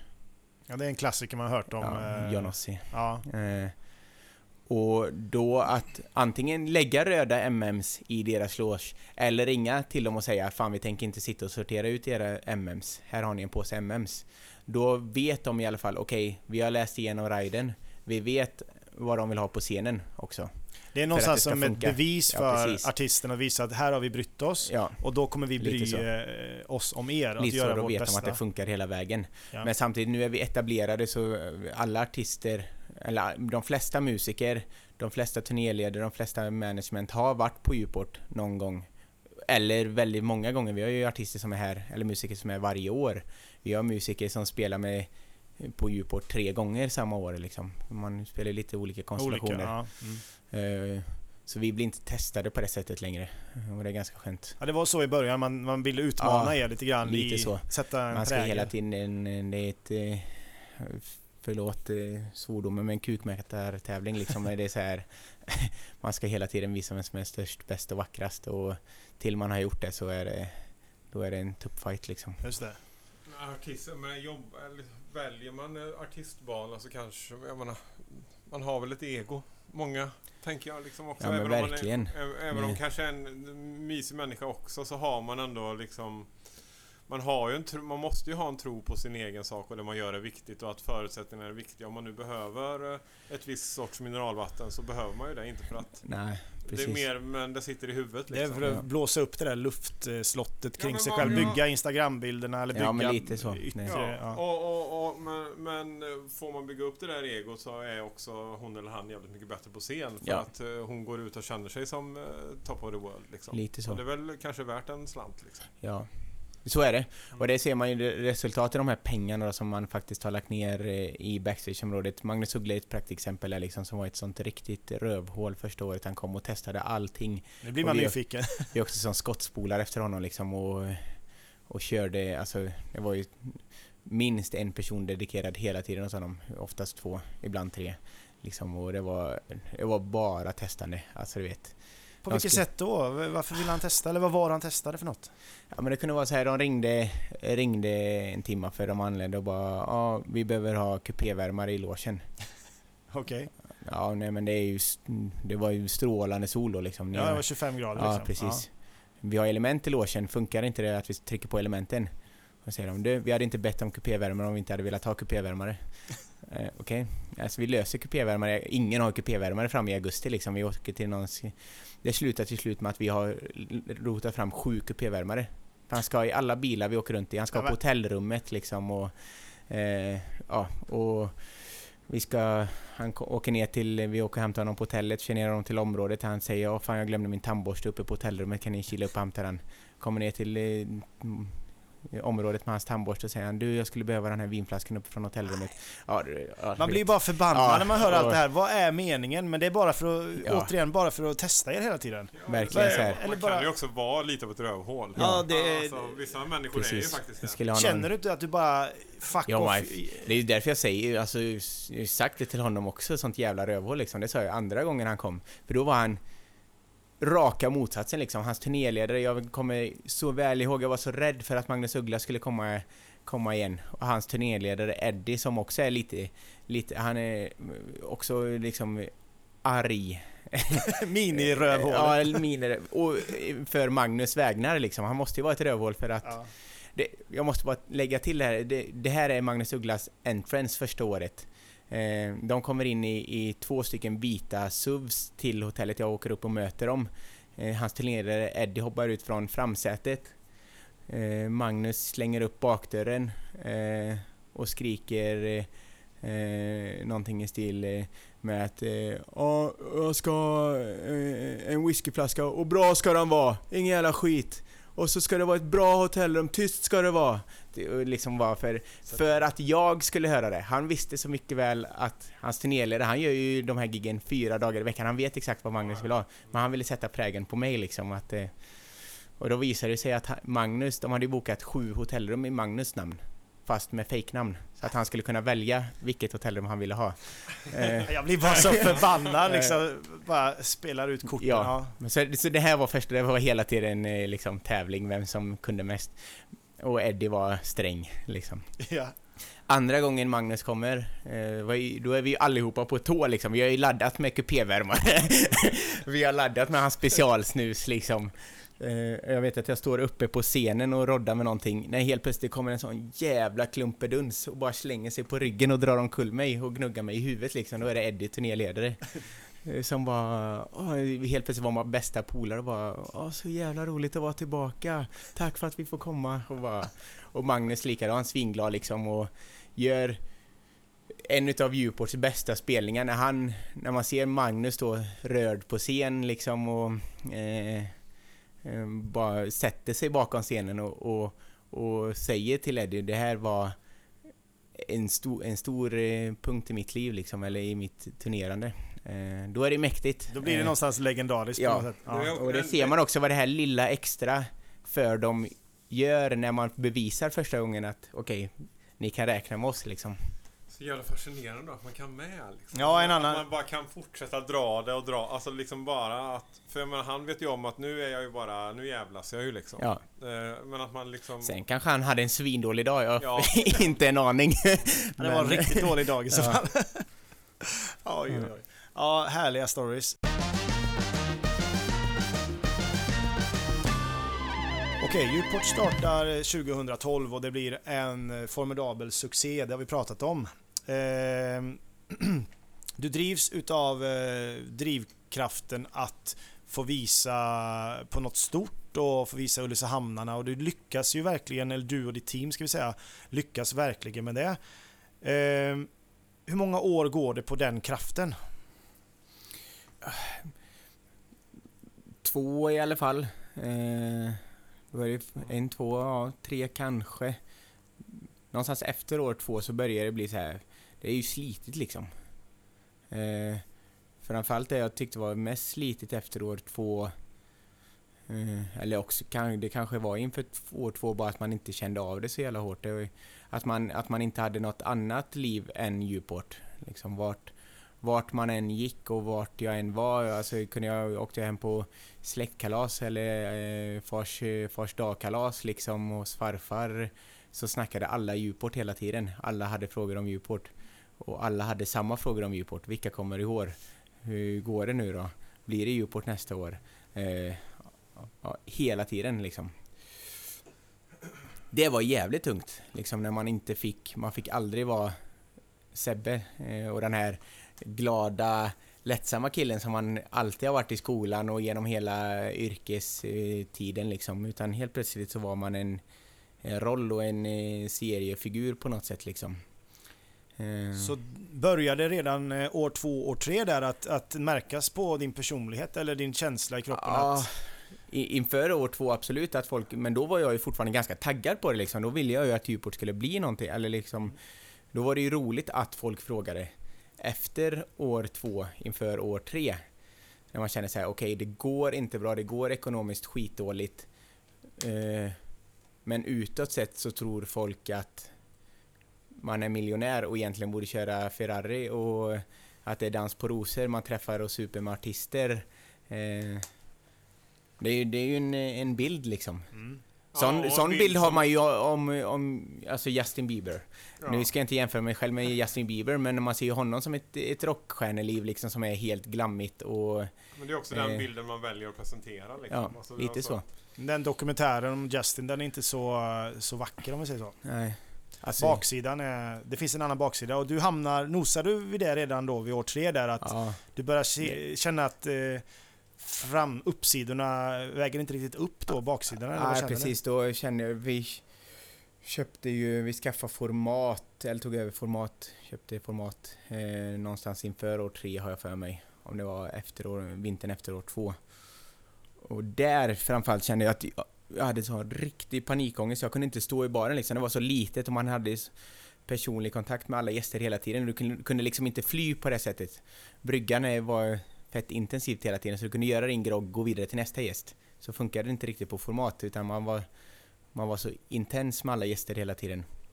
Och då kände jag, då, då var de här hyperventileringarna liksom och man kände att fan nu är, det inte, nu är det inte roligt längre liksom. Jag vill inte gärna gå och handla på ICA för man visste att man skulle behöva stå i kön, dra samma visa varenda gång liksom. Och så vände man sig om från när man precis hade dragit visan med och så ställde frågaren som, stod som står bakom en i kön samma fråga som den som står framför. Ja, lite så krasst. Men hur tar du hand om dig själv där? Du, du, utifrån sett så är det då är ju du på alla bollar under några år så som jag upplever dig.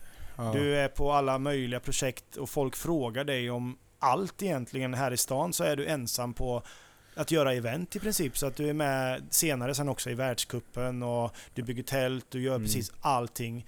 Och du får panikångest säger du. Hur tar du vara på, eller hur tar du hand om dig själv?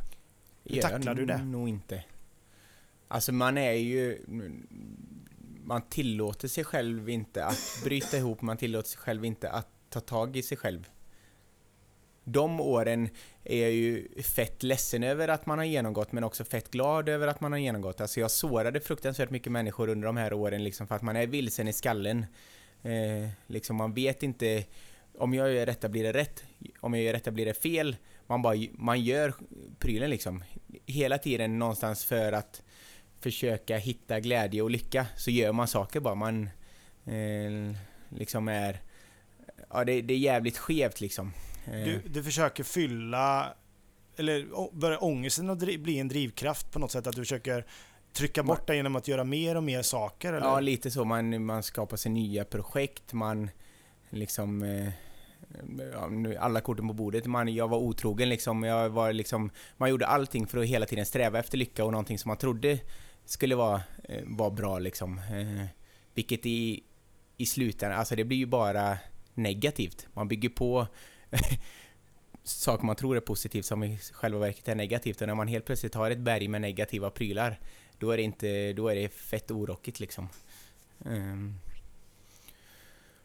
Så det, ja, det, var, det var tunga år där ett tag. Är, är detta mm. någonting som du lever med nu också? Eller har du liksom gått igenom ja, det på ett jag, sätt? Jag gick ju... Man vill, man vill ju någonstans inte inse, alltså det är ju som vilken beroende människa som helst liksom som har drogberoende eller alkoholberoende eller liksom det, Jag är jävligt glad att jag aldrig, jag aldrig någonsin testat en drog liksom.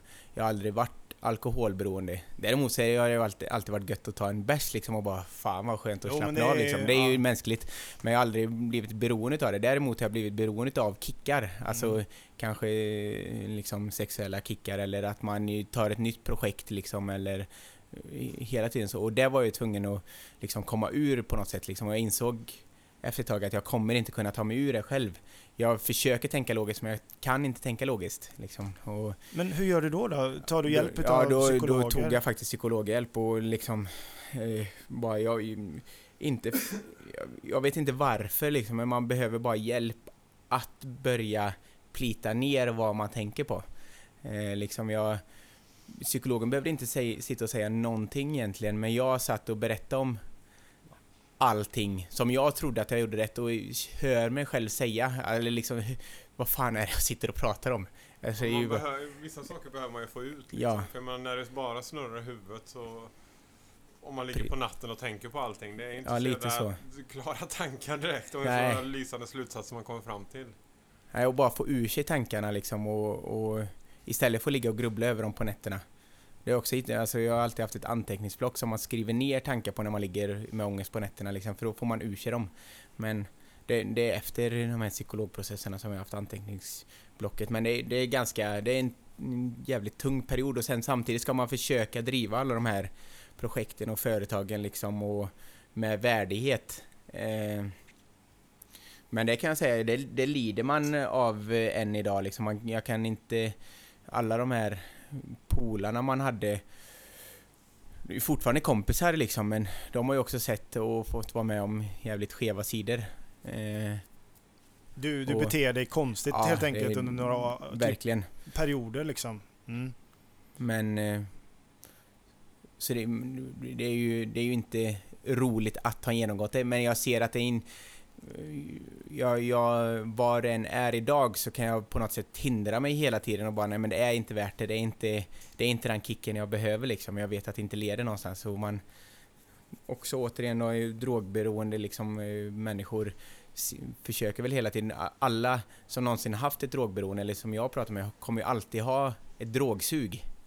Eh, Exakt. Och det, i ditt fall är det jobbkicks Ja men lite så du, liksom, ja. eller man, man hela tiden strävar efter ett sug men man hindrar sig hela tiden. Och samt, det gör ju också idag att jag blir jävligt stolt över mig själv liksom när man eh, lyckas hindra sig själv liksom eller när man lyckas vara bra eller nu är jag alltid bra. Alltså jag känner mig alltid bra och eh, nu blir det en kick liksom att alltid vara bra. Mm. Just det. För, för då, ja, det funkar väl så psykologiskt att det är fortfarande en glädje i att, att göra Uport som exempel. Men du drivs ändå mycket av att kickarna och nu ska vi göra det igen och ja, igen. Men, men någonstans så spricker också Uport-bubblan lite grann om vi tittar Återigen, utifrån på det så, så, är det så det känns när du gör din dokumentär om eh, detta år som ska komma nu. Så ja, precis. får alltså, man liksom en annan bild. Glädjen någonstans kanske inte är densamma som har varit från början när allting är nytt och man liksom gläds av nyheten. Nu påverkas kan... också, eller förlåt, men påverkas också det som vi nämnde innan det här, alltså de här framförallt första men även andra året liksom den här elektriska stämningen som var mm. inte bara nere på Djurgård utan det var ju något helt, alltså hela stan kokade eller och, och regionen mm. nästan på något sätt liksom att det var så här snackigt att, att det sjönk ju och, alltså folk blir ju så jävla snabbt bekväma ja. med grejer alltså just det ja, vi hoppar nog över Djurport i år Precis och det är, ju, det är ju jävligt tråkigt att känna så liksom och det jag känner ju allt det där. Man, man, vet ju när folk tycker att det är liksom inte, man tar inte, liksom, man behöver inte gå på det, man tar det lite för givet. Och det är ju tråkigt att känna att folk tar det för givet och att jag tar det för givet och att kanske eh, de runt omkring mig tar det för givet eller någon tar det för, liksom. Det är jävligt lätt att Det blir en jävla ekorrhjul liksom. Ja, det blir väldigt lätt att bli liksom lite bitter på mm. mänskligheten. Alltså återigen, jag har ju inte gjort saker i den här storleksordningen men jag menar, jag och Rickard, vi har gjort våra event där man har någon liten grej här och man liksom Ja, det kom det sex mm. personer mm. liksom. Man bara, men vad, vad, ja, det är inte värdigt alltså. Liksom? alltså vad, är, vad, är problem, vad är problemet liksom? Det här är ju bra. Man ja, frågasätter kanske publiken, man frågasätter sig själv, man mm. frågasätter allt. Och då är man ju lite på det är då det blir lite eh, vägval. Ska vi lägga Precis. ner eller ska vi slipa ja, diamanten och göra den på ett annat sätt? Som jag sa efter förra årets Djurport, liksom, man börjar ju ifrågasätta vem är det man gör det för liksom. Och när ni har konserter här liksom, eller 3-5 och det kommer sex pers, då undrar man vem gör man det för? Ja. Alltså jag tycker att det är skitbra att stå och lyssna på men ja, jag nej, tycker precis. inte så roligt är det inte att pröjsa de här pengarna nej. för att stå och lyssna på det, själv liksom. Då är det bättre att ta en 500 och åka på en konsert istället ja, lite för att så. betala 4000 det, för att det, få se dem på sitt eget ställe. Och samtidigt tar man ju det personligt, alltså jag vet ju nu Sippa till exempel, där vi har byggt det ruggigt personligt. Alltså det är ju verkligen allting jag och Selina har velat ha liksom. Eh, det är jävligt sexigt och det är utmanande och det är lite så vi funkar som personer. Eh, men det är jävligt bra kvalitet på det kan jag nog säga själv. Som jag kan faktiskt, intyga, jag har käkat ja. Eh, maten där. Ja. Bra. Eh, tack. ja, men som, som faktiskt har varit runt ganska mycket liksom och testat. Vi åker ju nu på Tapas studiebesök och inte, kan inte säga att vi är imponerade utav någon, någonting annat liksom för att vi vet att det är bra där. Men att det är då, jag sa det när vi öppnade Chippa, det här är så jävla bra. Lyckas inte detta, då lägger jag fan ner liksom. Nej, och nu står man där och så, vad ska man göra nu liksom? Nej, men, jag, det... jag, kan ju få den här känslan både när jag gör någonting själv eller när jag någon kväll har suttit och ser och det liksom mm. inte det kanske varit en tråkig kväll och jag kanske varit här lite tidigt men det kan vara liksom, men vad fan det är fem personer här liksom. Mm. Och så kommer jag från en spelning där jag själv har haft fem personer och man mm. bara och, och, och, och, så tänker man, alltså ser man sig omkring och så man tittar på vad, vad gjorde jag och vad, vad gör eh, Selina och Sebbe här liksom. Och man känner, ja men det här är ju bra liksom. Mm. Det här är ju sånt som folk, om de hade varit på semester så hade de pratat om det liksom. De hade pratat om den där lilla coola spelningen de var på. Eller de hade pratat om vi kom in, det var mm. helt svart och så Alltså de, och kläderna var svarta, toapappret var svart och de fick svinbra drinkar och liksom mm. Jag, jag alltså folk skulle eh, på ett sätt älska, eller liksom älskade men, men, men så är, blir det ändå inte på något sätt. Att det blir någon utanför comfort zone. Jag vet inte vad det är ja, det, ibland liksom. Nej, inte jag heller. Och jag, nu har jag nog agerat, och du också liksom i Ulricehamn i åtta, åtta år liksom. Ja. Du har nog varit ännu längre. Och man, ja, det känns som att man aldrig ja. lär sig vad som funkar och inte funkar. Liksom det så olika från gång till gång. Det känns som timing hela tiden. Eller knappt det, jag vet inte, Lotto.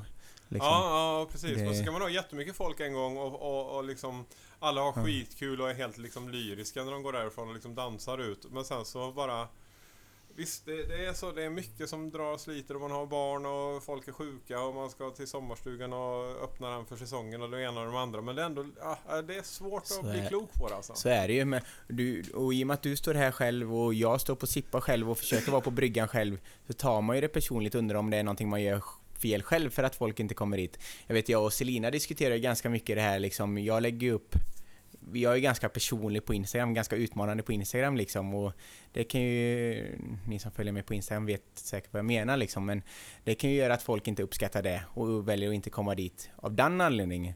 Men eh, man vrider och vänder på allting man kan vända på liksom för att rannsaka sig själv. Men samtidigt vill man ju inte vara någon annan än sig själv. Då blir det ju tråkigt helt plötsligt. Ja, då funkar det inte heller. Nej. Nej. Det är, men det är också svårt när man då också får höra att man är på ett visst sätt eller man inte känner igen sig riktigt i beskrivningen. Nej. Eller man liksom eh, jag kan tänka mig att du, alltså, eftersom du och Selina har en väldigt offentlig relation på ett sätt, liksom, att det pratar ju folk om och tänker på. Mm, liksom, hela har, tiden. har åsikter och, och, har väldigt klara bilder om vad era roller är och, eh, Verkligen. och, och sådär liksom. Vilket kanske inte har så mycket med verkligheten att göra många gånger liksom. För att man känner det inte, men man, man, man har ändå liksom den bilden liksom. Så är det ju verkligen och det, det är ju en del utav att vara en, eh, skulle inte vilja kalla mig offentlig person, men det är Mm, lokal, det, ja, lokal profil, lokal Det är ju lite grejen med att vara det. Alltså folk har ju... Det blir ju djungeltrumman lite grann. Och eh, djungeltrumman eh, ändrar ton ut med gången. Och ibland får man, man så med skeva saker om sig själv som man undrar eller tänker fan det hade varit gött att ha, göra det liksom. Men eh, du, du, du både verkar och, och, lever och bor i grytan liksom? Lite så. Mm. Men du, mm. då tänker jag på de här, du har ju faktiskt lyckats eh, bra med partyhyra. Eh, mm. Där du får åka iväg och bli där, där, där, där, där ute i den där andra eventvärlden. Mm. Där är väl inte du där är du, du är en av alla. Precis. Är det, är det skönt då att få fly lite grann och göra de jobben där du också får antar betalt för dina timmar? Svinskönt när de... Där har vi, alltså jag har sprungit på kompisar som man kommer ha för livet liksom i eventbranschen som ändå är, som lite sitter i samma båt liksom, som driver Summerburst, som driver liksom eh, andra eh, festivaler liksom, eller som gör andra större arrangemang och som vet vad man, vad man sitter i för sits lite. Mm. Eh, och som uppskattar en för den personen man är och för den professionen man gör liksom och eh, det blir jävligt, det är sjukt tacksamt liksom att eh, för, för så är det ju, alla människor utvecklas ju under en livstid liksom hur, hur många har kvar de kompisarna man hade på mellanstadiet eller efter högstadiet eller efter gymnasiet för man genomgår så många faser liksom och det vore jävligt knepigt om man skulle ha kvar samma umgänge hela tiden. Nu kanske jag har gått vidare liksom och, och har det umgänget mer liksom. Även fast jag uppskattar mina gamla kompisar svinmycket och gärna ringer dem och liksom ser dem som mina bästa kompisar fortfarande. Men eh, det blir något, på något sätt svårt att, att eh, jag vet inte, hinna med allting liksom och hela tiden eh, ta tillvara på allting. Jag vet nu, jag fyllde 30 ganska nyligen. Och var såhär, nej jag ska inte ha 30-årsfest liksom. Jag, fan, jag, måste, jag måste jobba. Vi har ju Sippa liksom. Det är ju, det är ju vi liksom. Vi måste stå där. Och jag sitter, jag sitter och tokbölar i bilen på vägen till Sippa och bara får sån kris och bara fan vad jag försummar mina vänner liksom. Eh, och bara känner att man eh, slänger iväg åren. Jag var 22 när jag startade bryggan liksom. Det har gått åtta år och man har knappt upp, uppfattat att åren har gått. Men man har inte samma relation till kompisar längre. Och helt plötsligt står jag med en hula hula kjol och en ögonbindel på mig på Sippa och eh, transporteras hem där folk har åkt från Östersund, från Kristianstad, från Visby liksom. Och, ja, det, det, blir jävligt mäktig känsla när man känner att man, nu börjar jag nästan grina när man pratar om det liksom, men när man känner att det är jävligt viktigt att alltid vara sig själv och alltid mm, liksom sträva efter att vara sig själv och man får göra misstag och man får genomgå kriser liksom. Och det tror alla, alla som eh, du sa förut Rickard, att du också har haft de här ångeståren liksom och nu blir det mycket liksom emellan, men det blir så när det blir känsligt. Ja. Eh, det, nej men så är det. det. man har, man har, alla har sina år och man måste genomgå dem för att kunna gå vidare och eh, de kompisarna som står kvar efter är, är sjukt viktiga. Mm. Ja, men jag tror också att, jag tror att den där ångesten är viktig, eller jag tror att den är kanske också en konsekvens av att man oh, lever man ett liv där man aldrig hamnar i det mm. så kanske man inte har så roligt liv, eller höll jag på att säga. Ja, eller liksom, så... då, alltså om man liksom försöker pusha sig lite, försöker göra saker, försöker liksom följa drömmar eller, mm. eller visioner man har och, och, och, göra saker så har det ju ofta en stark baksida som är mm. Som verkligen kan ju slita hjärtat ur bröstet på en vissa nätter när man liksom, om man vet inte Verkligen. Ja, man tappar fotfästet liksom. Så är det och För man mm. väljer att inte följa tryggheten nödvändigtvis. Verkligen, så är det. Och det är ganska, jag, det, jag fin, ser ganska mycket det i Selina nu liksom. Hon, inte, hon är ganska ny egenföretagare, får man säga liksom. Och det är ganska fint att se hennes sidor nu som hon var i för tio år sedan. Eh, liksom, och hon har ju de här ångesttopparna nu och jag försöker säga att det är precis som du säger, det blåser på toppen. Liksom, och Eh, det vore jävligt knepigt om, om det inte gjorde det och gör inte det då, då är man inte på toppen. Liksom. Eh, Nej, för jag, när jag tittar på dig nu så jag blir rörd och eh, jag ser... Eh, det, det, är en sån härlig... Du pratar så moget om, om din utveckling och det är också så när man, eh, man har träffat dig innan om åren och man träffar dig nu och du, du känns som att du verkligen har utvecklats och är en härlig människa som har gått igenom något tufft och nu står du lite grann på andra sidan mm. och tar nya mycket. steg in i, eh, i, i framtiden.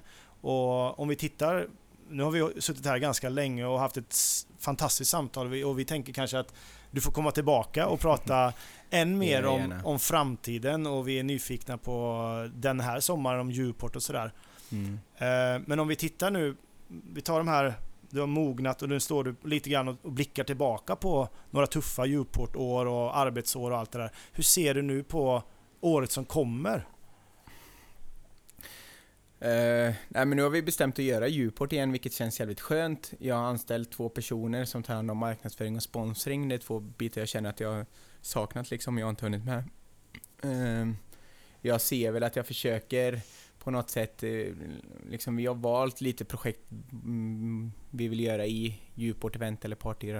Eh, liksom och varit lite selektiva för att kunna hantera det och komma ur växtverken. Eh, och, och förvalta det vi faktiskt har. Alltså vi har en fantastisk pärla nere vid bryggan som öppnade i fredags. Och efter det så har jag myntat namnet Ångestpalatset för, eh, för bryggan. det är en sån... Eh, ja, men bryg, bryggan eh, är roligt liksom. Jag vill göra bryggan, jag vill att det ska funka. Det är mitt första kärleksbarn liksom. Och det är viktigt. Så... Nej.